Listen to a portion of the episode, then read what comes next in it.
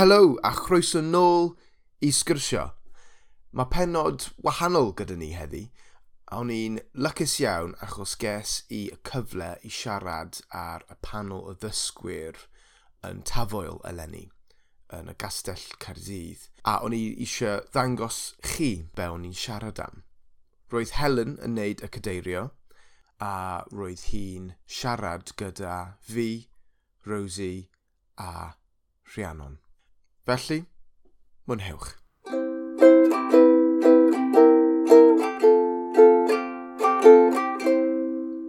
Croeso i sesiwn gan Dysgu Cymraeg Caer Dydd. Croeso i babell llais yn tafwyl. Hwrei!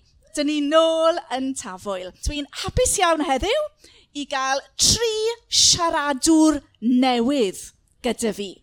Dyma Rosie dyma Nick, a dyma Rhiannon.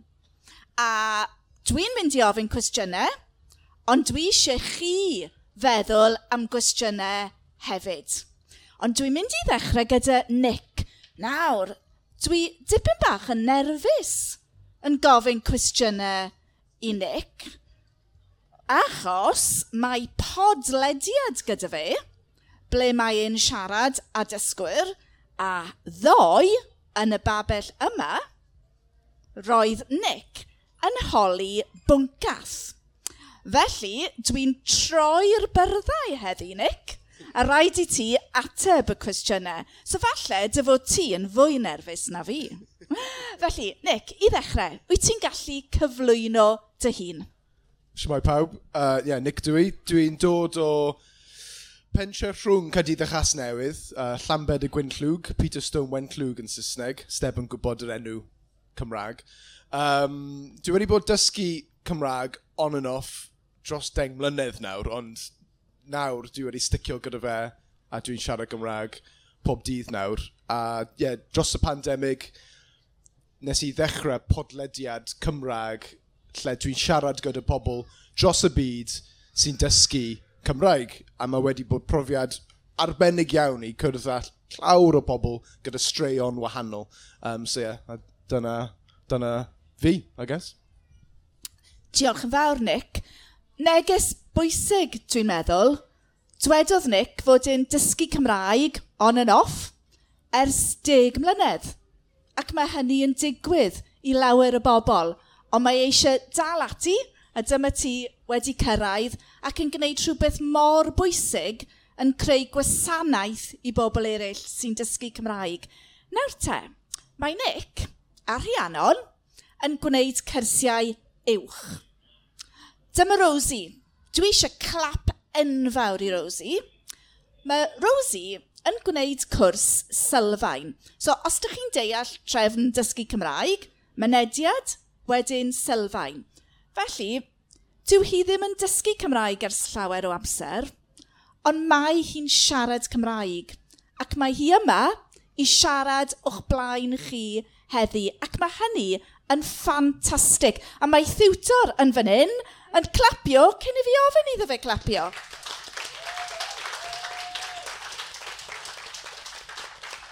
Felly, llongyfarchiadau, Rosie, ac wyt ti hefyd eisiau dweud rhywbeth amdano ti dy hun? Hiya. Um, yeah, so dwi wedi bod yn dysgu Cymraeg ers blwyddyn um, a chwe mis.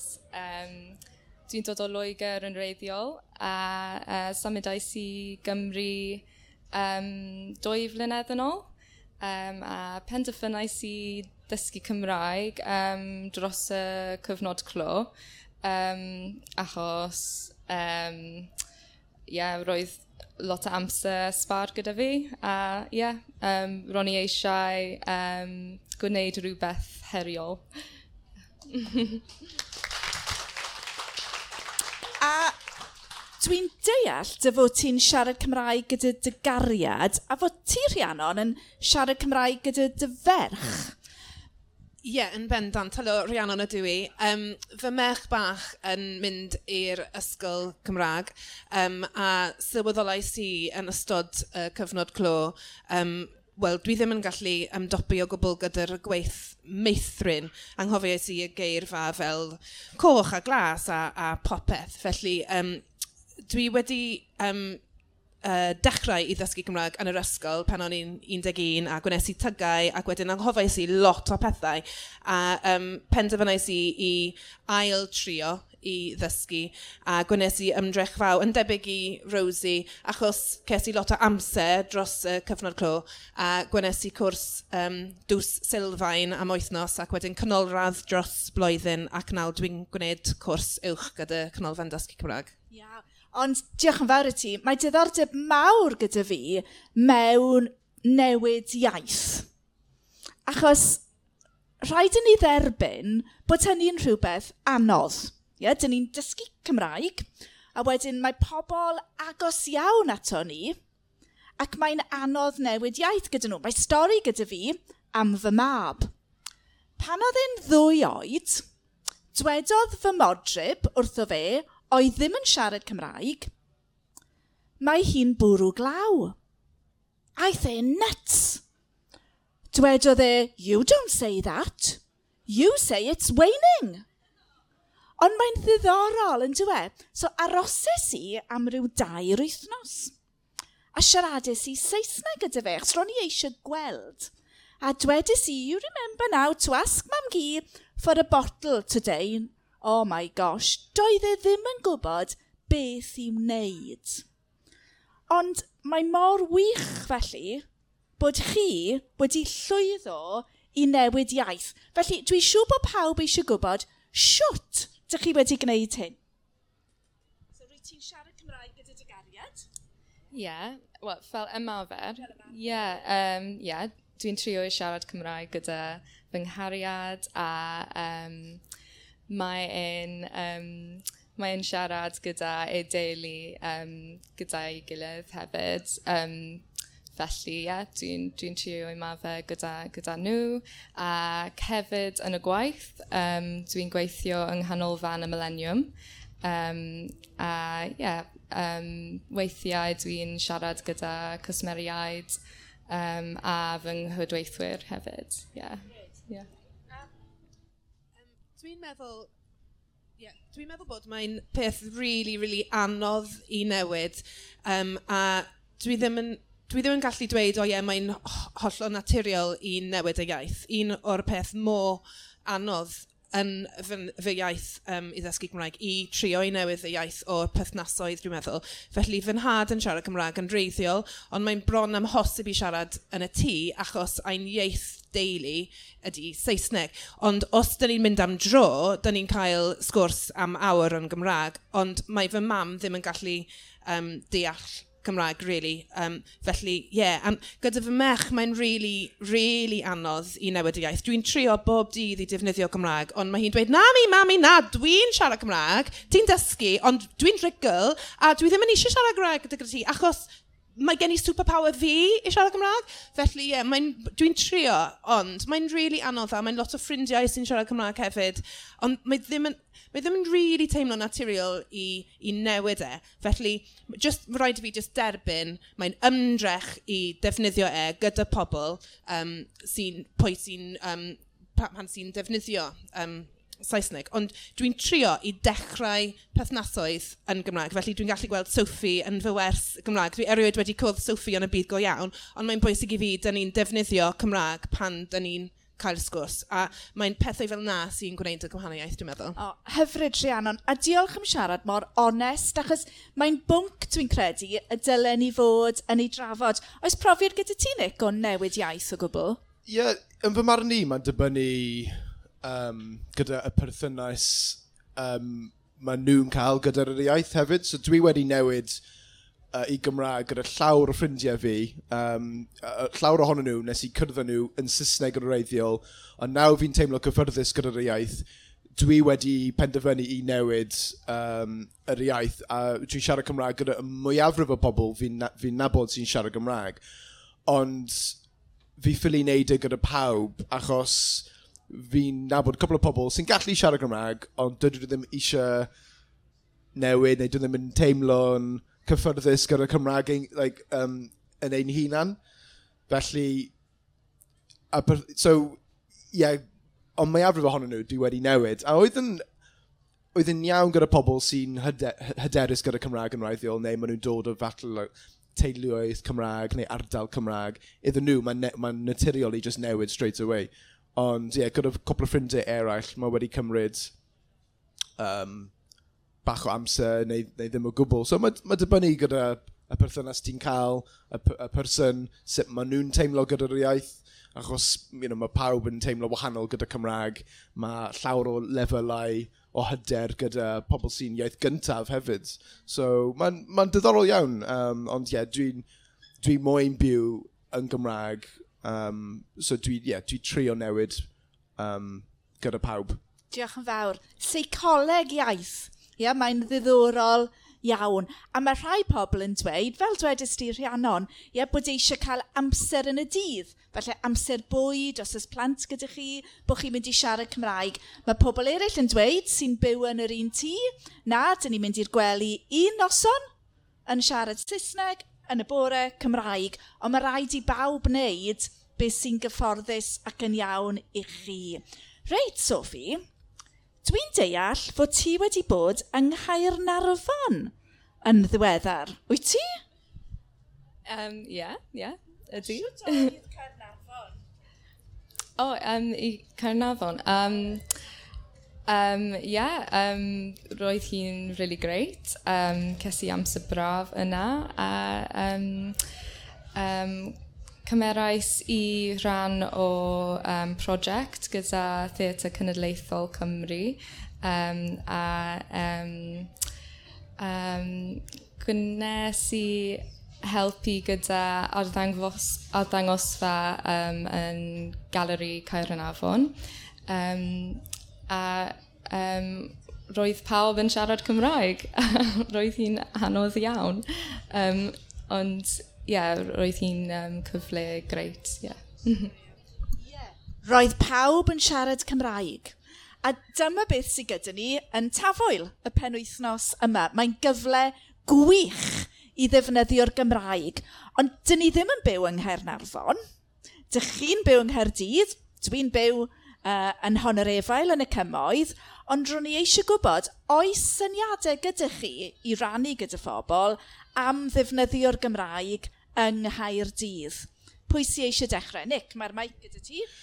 Um, Mae dibynnu lle ti'n byw. Os ti'n byw yn Poncana neu Canton, ti'n gallu clywed yr iaith pob dydd. Um, Dwi'n byw yn Splod, so does dim llawer o cyfleoedd i fi i clywed Cymraeg yng, yn yr ardal i ond dwi wedi dechrau ffeindio neu casglu pobl sy'n siarad, sy, sy siarad Gymraeg yn yr ardal fi, a dwi'n trefnu just mynd am peint unwaith yr oesnos neu unwaith y mis i, mynd, you know, i just trio creu rhyw fath o cymuned Cymraeg yn yr ardal fi. Mae wedi bod, nice actually, fi wedi bod yn splot just dros un, un flwyddyn nawr, a dwi wedi, dwi wedi cwrdd â you know, pedwar neu pimp o bobl sy'n siarad Gymraeg, so mae wedi bod nice. Ond dwi'n credu, os ti really moyn, ti'n gallu siarad Gymraeg pob dydd yng Nghydydd, um, os ti'n mynd i, you know, tafernau, you know, yn, yn, yn, yn Mhonghanna neu, can, neu Canton, chapter, pethau fel yna, neu, you know, mynd i uh, amgueddfa, ti'n gallu cyrraedd â pobl sy'n siarad Gymraeg. So, ond dwi'n really caru elaniads Cymraeg, mae'n really helpu weld pwy sy'n siarad Gymraeg, achos we all look the same. Dyn ddim yn... You know, man, dwi e ddim yn... Yeah, yeah, dwi, dwi, dwi e ddim yn bosib. Weithiau, os maen nhw'n... If they roll yna, falle ti'n gwybod, you know. Os maen nhw'n dweud Aberystwyth, o, oh, falle ti'n siarad Gymraeg. Ond, ie, yeah, mae'n mae anodd i gwybod. So, uh, dwi'n defnyddio lanyod Cymraeg. Pob tro ti'n weld pobl, dwi'n neud yr effaith i ymarfer gyda nhw, i siarad gyda nhw. Um, yeah, so, yeah, dyna beth fi'n neud. Um, eitha debygol i, i Nick um, dwi'n meddwl bod ti'n gallu um, uh, gweld os pobl efallai'n siarad Gymraeg, os mae'n gwneud, well, pam pobl yn gwneud, helo Rhiannon, dwi'n dweud, oh, helo, ti'n siarad Cymraeg? Um, neu efallai gyda'r um, enwau. Dwi'n gweithio yn y sbyty Llandoc weithiau a um, cwrddais i um, person um, yn y ysbyty um, gyda'r enwau really um, Gymreig, felly um, dwedais i, wyt ti'n siarad Cymraeg, a mae hi'n just mor ddiolchga i cael y cyfle i, i siarad yn Gymraeg, a, a fi hefyd, just i cwrdd pobl newydd yn y, yn y iaith Gymraeg. Um, ond dwi just wedi prynu um, bythodyn Cymraeg. Dwi, allai ddim penderfynu os mae rhaid i fi gwisgo bythodyn dysgu neu uh, bythodyn uh, siaradw. Felly dwi'n dwi uh, dangos y dau. Um, gael, a... ni bleid lais. na, please na.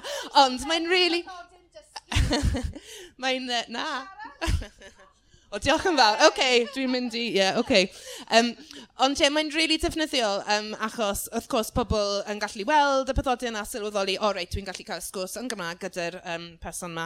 Um, a os ti'n dweud croeso neu bore da, um, dwi'n gweithio hyn o bryd yn y aced castell yn y lle rili really ddaw yn y, um, y siop siarad. Felly dwi'n um, cwrdd pobl newydd bob, bob dydd, lot o bobl newydd. A os dwi'n dweud o croeso neu bod y da, weithiau pobl um, yn parhau y sgwrs yn Gymraeg. Felly, ie, yeah, yeah. ffwrdd dda i. Yeah. O'n i'n gofyn am y bleidlais, ond wrth gwrs, beth sy'n bwysig yw bod chi'n teimlo'n gyfforddus gyda'ch bathodyn, ac os ydy'r bathodyn dysgu Cymraeg yn eich helpu chi i gael yr hyder a, a, a, a bod falle pobl yn mynd i gyd-ymdeimlo mwy, mae'n bwysig. Ond wedyn, os yw'r hyder gyda chi i gael gwad, gwared ar bathodyn dysgu, mae hynny'n gret yeah, hefyd. Dwi'n dwi meddwl bod mae'n really bwysig i bod proud o um, yeah. ffeith ti'n dysgu. Mae ddim yn um, ar, arwein sain, na, arwedd Um, na, yeah, mae'n just, mae'n peth, um, ti wedi gwneud rhywbeth bwysig os ti yeah. wedi trio yeah. i ddysgu, a mae'n mae dim ots os ti ddim yn rigol eto. No. Felly ie, yeah, dwi'n dwi, dwi cytuno, mae'n really nice just i, i teimlo chydig mwy hyderus os ti'n gwisgo'r. Okay. Yeah, dwi wast, pan dwi'n cyrraedd â pobl hefyd, dwi wastad dweud dwi'n dal yn dysgu Cymraeg achos i fi, mae fel get out of jail free card, achos mae fel rhoi heads up, you know, falle neu camcymeriadau. Ond pan fi e- dweud hwnna, dwi'n teimlo cyfyrddus i just dal ati math o beth, ti'n bod? So, yeah, wastad dweud, yeah, dysgu Cymraeg, even though, like, you know, ti'n siarad Cymraeg pob dydd nawr, ond, yeah, get out of jail free card, tip fi. Yeah, dwi'n cytuno. Um, yng nghanolfan y millennium, um, mae pawb yn just hapus i, i clywed, um, dwi'n dwi, dwi dysgu. A uh, ie, yeah, um, does dim ots gyda, gyda nhw um, os dwi'n gwneud um, camgymeriadau um, neu siarad yn araf. Um, felly, ie, yeah, mae, mae, lot o, mae lot o gyfleoedd gwych i, i, i ymarfer, ie, yeah, gyda Iawn, dwi'n gweithio yn y ganolfan dysgu Cymraeg. Am bydd polisi newydd gyda ni, cyn bo hir. Ym mis Medi, bydd pob person ifanc yng Nghymru rhwng 18 a 25 yn gallu dysgu Cymraeg am ddim. Re Felly, ydych chi'n meddwl bod hwn yn syniad da? oes syniadau gyda chi siwt yn ni'n gallu cyrraedd y bobl ifanc yma? A beth sy'n bwysig i ni gyda'r polisi newydd? Pwy sy'n eisiau dechrau? Sorry. Bear with the question? O, oh, cant o cant, ie. Yeah. Syniad arbennig. Um, mae i i cael y siawns i ddysgu Cymraeg am ddim yn, yn pwysig iawn, achos, you know, mae'n ma anodd you know, yn union um, a hyn o bryd gyda arian, so i cael Mae you know, ma gallu, ma gallu bod esgus i ddim dysgu Cymraeg, um, i, no, i, i peidio dysgu Cymraeg, o fi ffili um, talu am, y, am y, y, y cyrsiau, ond i cael y cyfle um, i, i, i, i dysgu yn pwysig.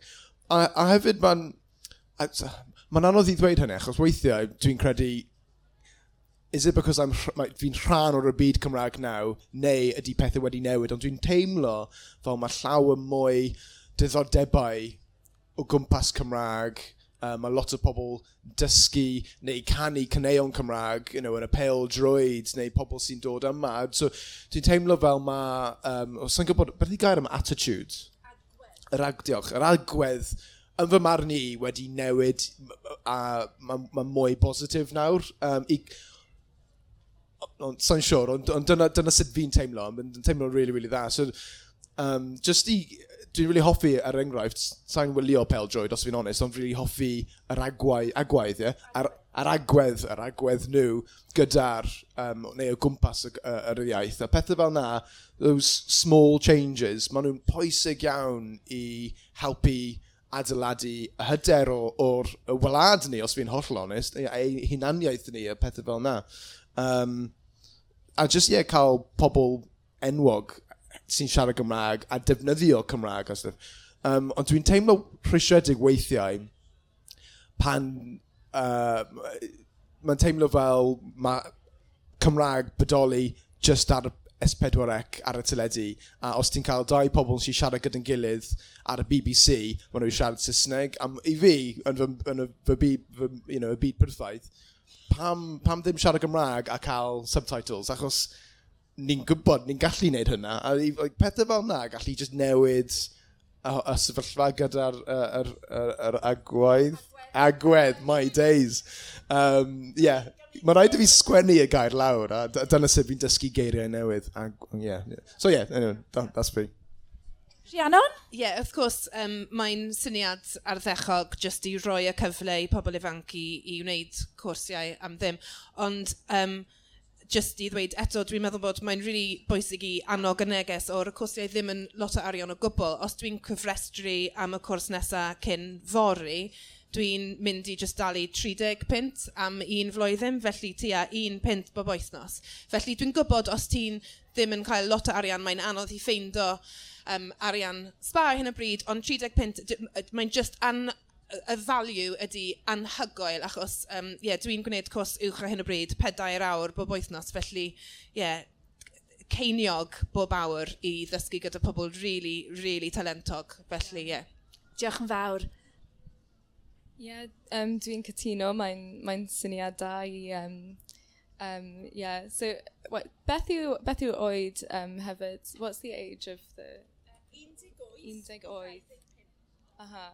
Yeah, um, yeah mae'n um, pwysig iawn i um, um, cyfnogi um, pobl ifanc um, mewn, mewn ffordd sy'n um, yeah, um, oh, dwi ddim yn siŵr.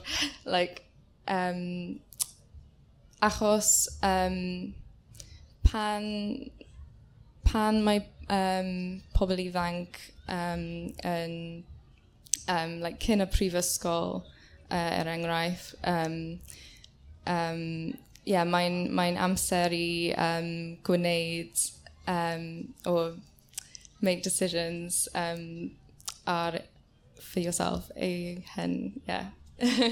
Diolch yn fawr. Felly, dwi eisiau bawb ein helpu ni a dweud y gwir. Mae hwn yn gyfle mawr. Nick, dwi'n falch i ti sôn am y bil droed. Ie, mae agwedd. Yeah, mae agwedd um, y gymdeithas bil droed mor, mor wych at y Gymraeg. Mae'r polisi am ddim 18-25 Mae'n gyfle enfawr i ni ac mae eisiau ni fod yn hyderus yn mynd ar neges allan o tafwyl i'r strydoedd. Felly gobeithio bydd pawb yn ein helpu ni.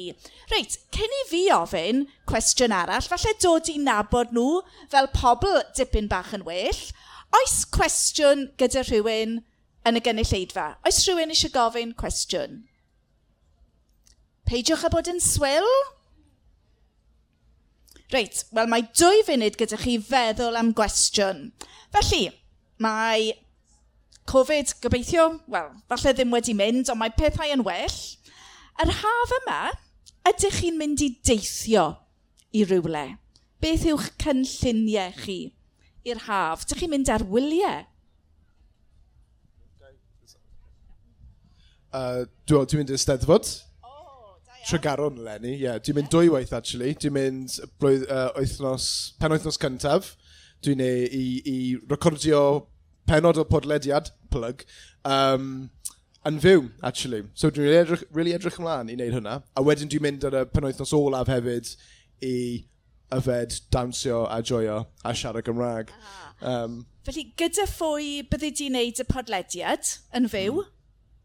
Um, ffrind fi actually, ond sa'n ond sa'n wedi siarad Cymraeg gyda hi eto. So mae hi'n ffrind o, well, chwaer ffrind fi, a fi'n nabod, well, fi'n gwybod mae hi wedi dysgu Cymraeg, um, so o'n i'n meddwl mae'n just cyfle nice i, a mae hi'n neud swydd diddorol iawn, so oedd just cyfle nice i, i, um, i, i, i wneud hynny.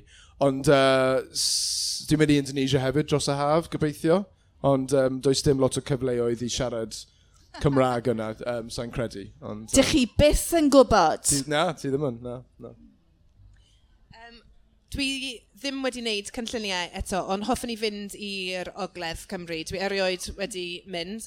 Um, mae fy ngŵr yn dysgu hefyd um, ar lefel sylfaen, a mae'n lot o hyder, um, uh, a mae'n dod o Canada yn reiddiol, um, a mae'n just really eisiau defnyddio'r iaith, felly gobeithio dyn ni'n mynd. Ond mae fy ngŵr yn gweithio yn dŵr canol, felly um, mae rhaid i fi just aros ychydig o arian i ymweld uh, yn, uh, dros hanner tymor um, uh, hydref, dwi'n meddwl. Felly, ie, yeah, um, dyn ni'n eisiau mynd, ond dwi ddim yn siŵr eto. Rosie, wyt ti mynd i rywle? Um, yeah, actually, um, yfori, um, dwi'n dwi mynd ar wyliau gyda fy mam, um, a dyn ni'n mynd i Denby, um, ac wedyn i Fishguard, ac wedyn um, dyn ni'n teithio mewn ferry i Iwerddon. Ie, yeah, yeah, dwi'n edrych ymlaen ato. Iawn.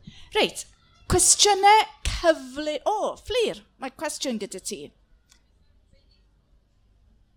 Neu, neu, falle.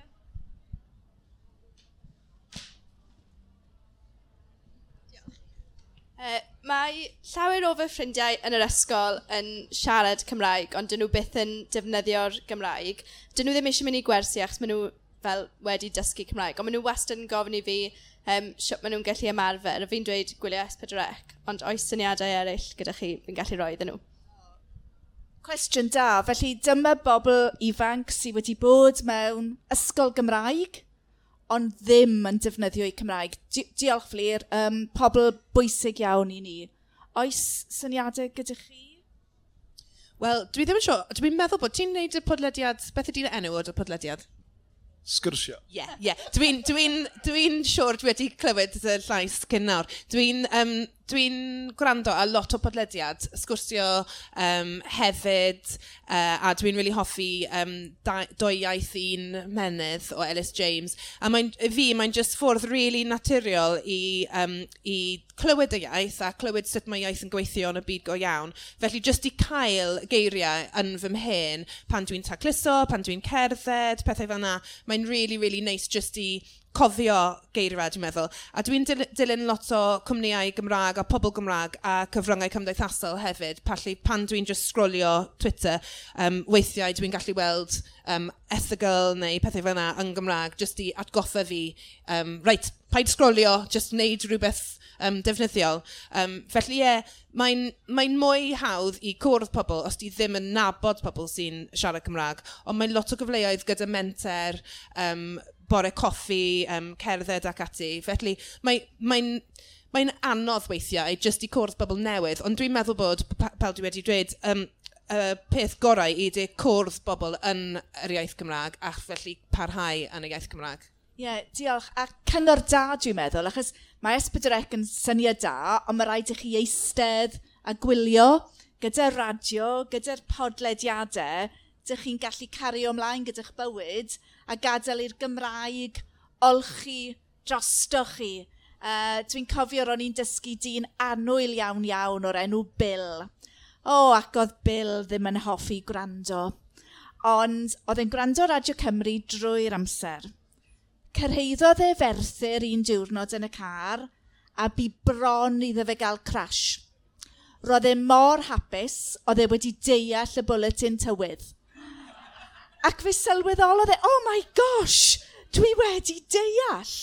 Yeah? a mae'n bwysig iawn gadael i'r Gymraeg olchi drosto chi. So ar y dechrau, mae e fel sŵn gwyn. Bw, ond yn raddol, dych chi'n deall mwy a mwy. Nick, oes rhywbeth i ychwanegu? Ie, yeah, dwedais ti, maen nhw'n siarad Gymraeg yn, yn barod, ond falle mae problem gyda hyd, eu hyder nhw falle. Mae brwy'n lle... Mae lot o siaradwyr Cymraeg yn Llundain. Mae, Ma, ma, fi'n nabod tri bobl. Fy chwaer, mae hi'n dysgu Cymraeg, mae hi'n dysgu Cymraeg yn Llundain trwy'r um, cwrsiau ar-lein a pethau fel yna. Ond dwi'n credu... I mean, i fi pob dydd i'w rando i pethau fel like, Radio Cymru just yn y, yn, yn y cegin fi pan dwi'n coginio a stuff. Ond mae rhaid i ti you know, cyrdd lan gyda pobl sy'n siarad Gymraeg a be stubborn about it. A dweud, byddwn ni'n siarad Gymraeg gyda ti nawr. A falle cyrdd â pobl newydd neu bod o gwmpas pobl lle mae un ohonyn nhw newydd a maen nhw'n really eisiau siarad Gymraeg. A maen kind of, I don't know, mae un, er enghraifft, un ffrindiau fi, does dim llawer o hyder gyda fe gyda ei Gymraeg e, ond mae'n gallu deall popeth. Um, pan ni'n mynd mas a cael cwpl o diodydd, mae mae'n helpu ei hyder. I'm, I'm not saying go out and get steaming, ond um, mae'n gallu helpu. A i bod yn sefyllfa lle mae pawb o gwmpas ti siarad Gymraeg, mae'n helpu ti um, teimlo rhan o'r um, ysgwrs a, a just trio defnyddio'r yr iaith, I guess. Ond mae'n ma, ma, ma anodd, dwi'n nabod, mae yn broblem yng Nghymru gyda hyder, gyda pobl sy'n iaith gyntaf, sydd ddim yn defnyddio'r yr iaith nhw. Um, yn wedig yn, yn De Gymru, dwi'n credu, um, yn fy mrofiad i, anyway. A dwi'n wastad yn meddwl am... Bod, dyna pam nes i dechrau rhywbeth fel sgwrsio, achos o'n i'n eisiau ddangos pobl, hei, dwi siarad Gymraeg, dwi'n neud camgymeriadau, pob brawddeg, pob dirnod a stymots. Dwi'n joio, dwi'n caru, dwi'n um, chwerthin yn Gymraeg, a mae'n iawn. Ma, yr iaith fi yw e hefyd, um, and it's, it's everyone's language. So i fi, you know, lead, leave your pride at the door a just defnyddio e um, yn fy marn i. Mae'r ma, ddau ohonoch chi wedi defnyddio gair pwysig, dwi'n meddwl, newydd. Weithiau, os ydych chi'n gallu dod â pherson newydd i mewn, mae'n mynd i droi y sgwrs i'r Gymraeg a newid y deinameg. Mae hwnna'n rhywbeth pwysig, ie. Yeah. Yeah, um, yeah, um, mae'n mae rili really da i, um, i cwrdd pobl newydd sy'n dysgu hefyd neu sy'n siarad hefyd a dechrau y friendship um, yn yr iaith a um, just cwrdd bob wythnos um, a cael sgyrsiau yn Gymraeg um, a just, just dweud um, um, yeah, um, peidiwch a, a siarad yn, yn Saesneg o gwbl. Yeah. Dwi wastad mynd lan i Llundain hefyd, uh, felly uh, falle unwaith y mis. So, os maen nhw'n mynd mas am cwbl o diodydd, I'm, I'm up for it. So. fi oh, gallu bod y person newydd i siarad Gymraeg ydyn nhw. So, yeah. Dyma ni, Llys Genad, ambasador dysgu Cymraeg yn Llundain. Gwych.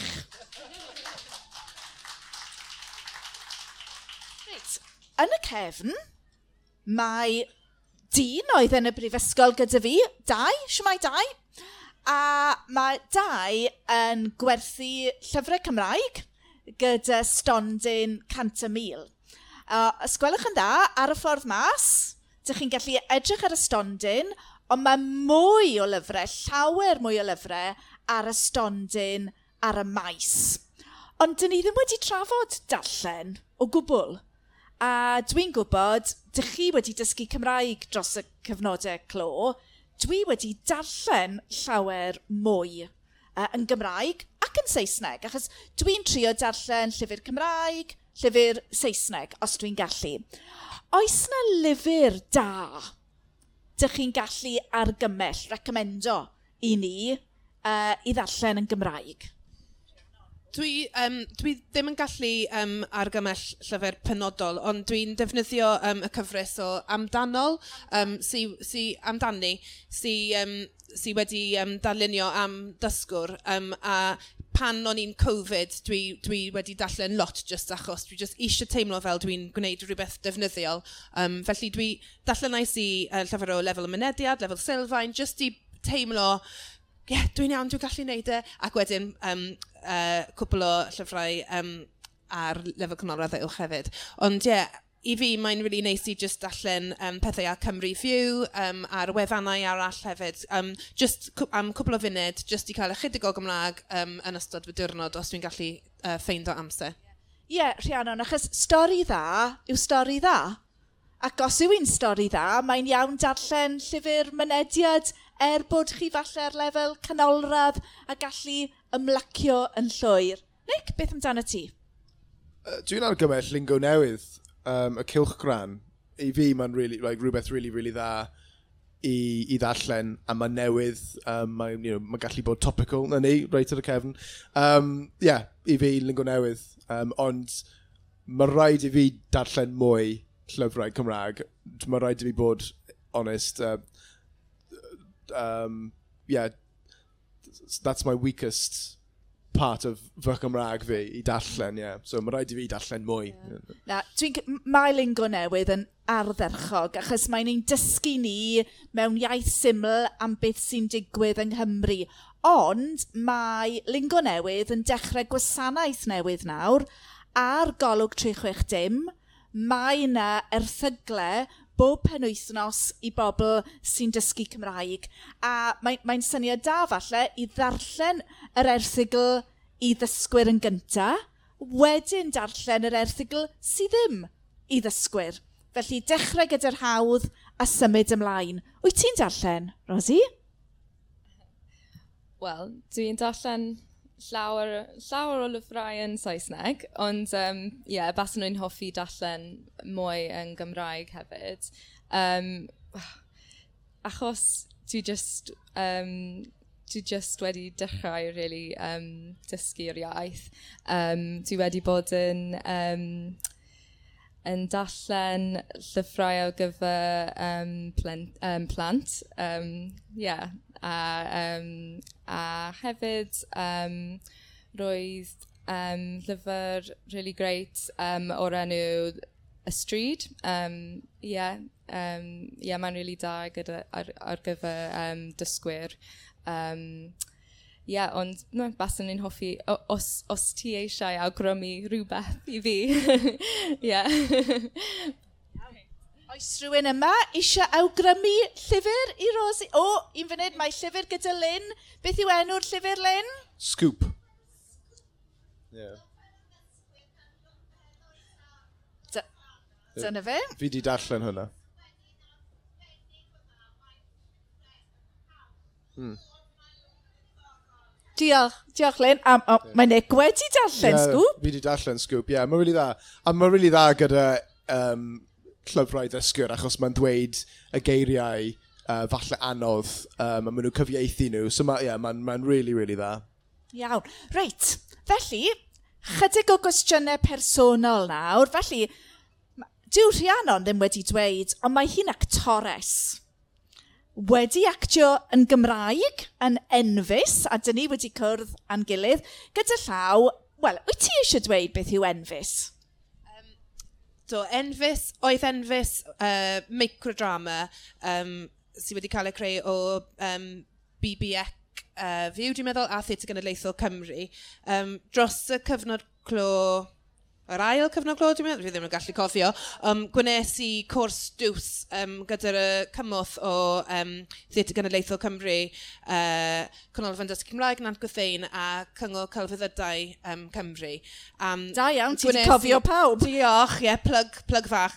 Um, gwnes i profiad just anhygoel. Um, dwi'n really hoffi um, dysgu mewn ffordd dws. Mae'n really gweithio fel fi, dwi'n meddwl. Felly, um, ces i uh, gwathod, gwahoddiad i uh, bod rhan o Project Envis gyda Theatr Gen. A gwnes i oethnos llawn yn Gymraeg. Ar ôl yr oethnos, um, es i cost y coffi a um, ofynais i o, gai paned o goffi gyda... Oh, sorry, can I have a coffee, please? A dwi'n just teimlo mor dda i sylweddoli. Dwi'n meddwl yn Gymraeg. Um, Yeah, ond un just project really hyfryd.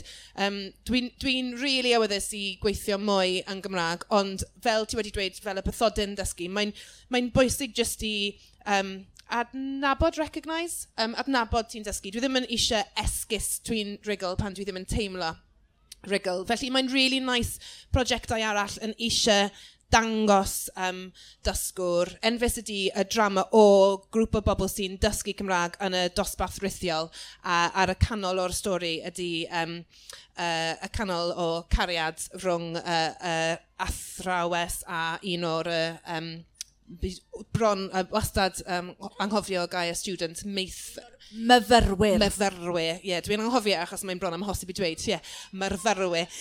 Um, yeah, a chwaraeus i uh, um, myfyrwyr ddoniol a um, yeah, eitha cynnes ac ati. Yeah, a dwi'n teimlo fel, well, Cilla Black yn y, yn y drama, ah. really.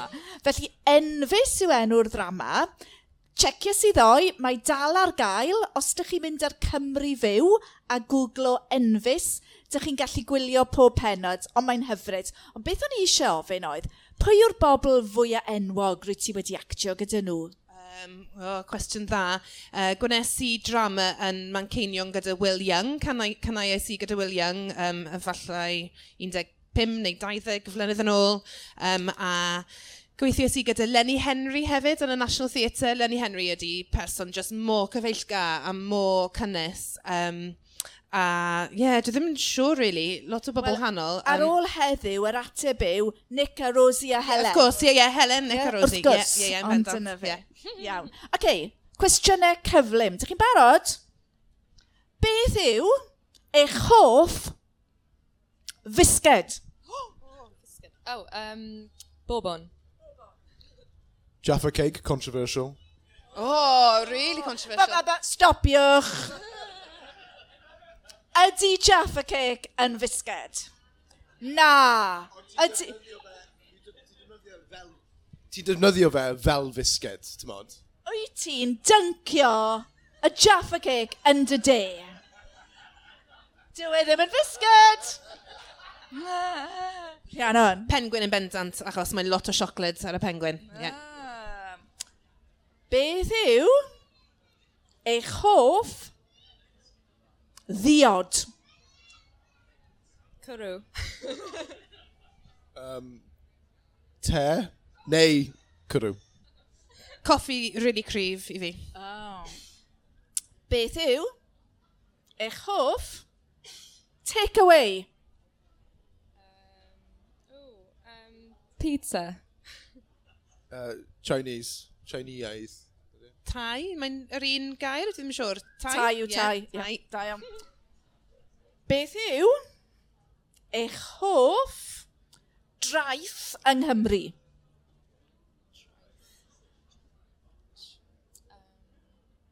Ddim yn siŵr sut i dweud o'r yn um, Gymraeg, ond Three Cliffs yn y gwyr. Ie, yeah, dwi'n really hoffi fe. Um... Splot Beach. Ti di bod? mae'n unigryw, mae'n actually fascinating, mae, dwi'n argymell i fynd. Dwi ddim actually hoff traeth fi, ond mae'n lle unigryw yng Nghymru. Splot Beach. Yeah. Trysaith. Pwy yw eich hoff diwtor Cymraeg? Na, joc. joc, joc, joc, joc, joc, joc. Felly, um, cyn i ni orffen, cwestiwn ystrydebol, clisiau falle dipyn bach, ond cwestiwn pwysig. Dych chi wedi llwyddo i ddod yn siaradwyr. Yeah, mae Janet Street Porter wedi bod yn dweud pethau ofnadw am y Gymraeg yr wythnos yma ac yn cael llawer gormod o, o sylw. Yeah? Ond dych chi wedi llwyddo, mae hi'n bosib dysgu'r Gymraeg. Beth yw y tips mwyaf pwysig i bobl sy'n dechrau ac i bobl wedyn i gario ymlaen? um, Paes Becso. Um, it's everyone's language, so dim ots os ti'n siarad Gymraeg, neu cam cymeriadau, siarad Wenglish, neud un brawddeg mewn Saesneg a wenyd nôl i, i Gymraeg. Mae hynny'n iawn, mae pobl sy'n rhugl yn neud yr un peth. Um, a mae'n ma ni'n siarad Gymraeg nawr, like, mae'n hollol bosib i byw yn y Gymraeg, i cyrdd â pobl yn y Gymraeg, i wneud ffrindiau, joio yn y Gymraeg. Um, yeah, mae ma wedi newid fy, fy mywyd i, os fi'n hollol onest. Mae'n eitha cawslyd i ddweud hynny, ond mae'n ma, gywir. ma ma Dwi'n hapus iawn fi wedi dechrau... O, nes i dechrau y daith gyda Cymraeg. Yeah, mae'n ma, pwysig iawn. Yeah, um, just mewn hewch yr iaith, yeah. Um, cymerwch bob cyfle i siarad a ymarfer. Um, a ie, yeah, peidiwch â phoeni am um, dysgu yn araf, um, gwneud, um, gwneud y iaith, ah, was it, cam, cam wrth gam? Ie, yeah, yeah, cam wrth gam. Um, Dych chi'n gallu adeiladu yn araf um, a um, codi hydyr. Um, yeah. Diolch. A Rhiannon? Dwi'n meddwl mae'n bwysig i wneud e yn y ffwrdd chi'n mwynhau, felly os ti ddim yn really hoffi rhywbeth, wel, just dilyn ddyddodebau, a os ti'n really hoffi pop, wel, dallen pethau am pop, gwrando padlydiad am pop. Um, dwi ddim yn really... Does dim lot o hyder gyda fi am pethau gramadeg, achos dwi fel yn, yn debyg fel Nick, penderfynais i just i trio i defnyddio y iaith a paid poeni a derbyn dwi'n mynd i gwneud camgymeriadau a just dwi'n dwi, gwybod dwi'n dwi really ddim yn gallu gwneud treigladau really o gwbl, ond os dwi'n poeni am y treigladau, dwi ddim yn mynd i, i dweud rhywbeth. Felly ie, yeah, a just derbyn mae'n mae mynd i fod iaith gyda um, wel, llinell wobli. Felly, um, weithiau dwi'n teimlo fel, oh na, dwi ddim yn gallu cofio um, unrhyw beth, ac dyrnod nesaf dwi'n gallu cael sgwrs gyda pobl newydd. Felly, just let yourself off the hook ychydig, uh, just i dal ati. Um, a ie, yeah, dilyn dy, e-, eich ddiddordebau, just i mwynhau e a ffeindo mas sut mae um, iaith Gymraeg yn gallu bod rhan o eich uh, bywyd, really. Gwir. Okay hefyd, os, os ti eisiau ymarfer gyda pobl, mae'n really pwysig i ffeindio pobl ti moyn siarad gyda yn Saesneg. Mae'n really pwysig i cael debau debyg. Um, a, yeah, so i fi mae'n just helpu fi, achos os ti'n siarad gyda pobl ti ddim yn really siarad gyda yn Saesneg, mae'n like, mae gallu bod ddiflas. Ond i ffeindio pobl lle mae interest ti yn, yn, yn, yr un peth yn y ddau aethoedd, mae wedi helpu fi. Wel, dwi'n siŵr bod chi'n cytuno bod Rhiannon, Nick a Rosie yn hysbyseb wych i dysgu Cymraeg Cerdydd. Diolch yn fawr iawn. Dwi'n gweld bod nifer o staff dysgu Cymraeg Cerdydd yma. Diolch yn fawr iawn i chi am eich gwaith caled. Llongyfarchiadau i chi'ch tri. A dwi wir wedi mwynhau y sgwrs a mwynhewch weddill y dydd yn tafwyl. Ewch ati i ddefnyddio'r Gymraeg a ffeidio a phoeni am y camgymeriadau dyn ni gyd yn ei gwneud, mae'n rhan o'r broses ddysgu. Diolch yn fawr i chi gyd am rando. Hwyl fawr. Wel, dyna ni. Diolch yn fawr eto. Cofia, ti'n gallu dilyn ni ar Instagram, Twitter a'r Facebook. Hwyl am y tro.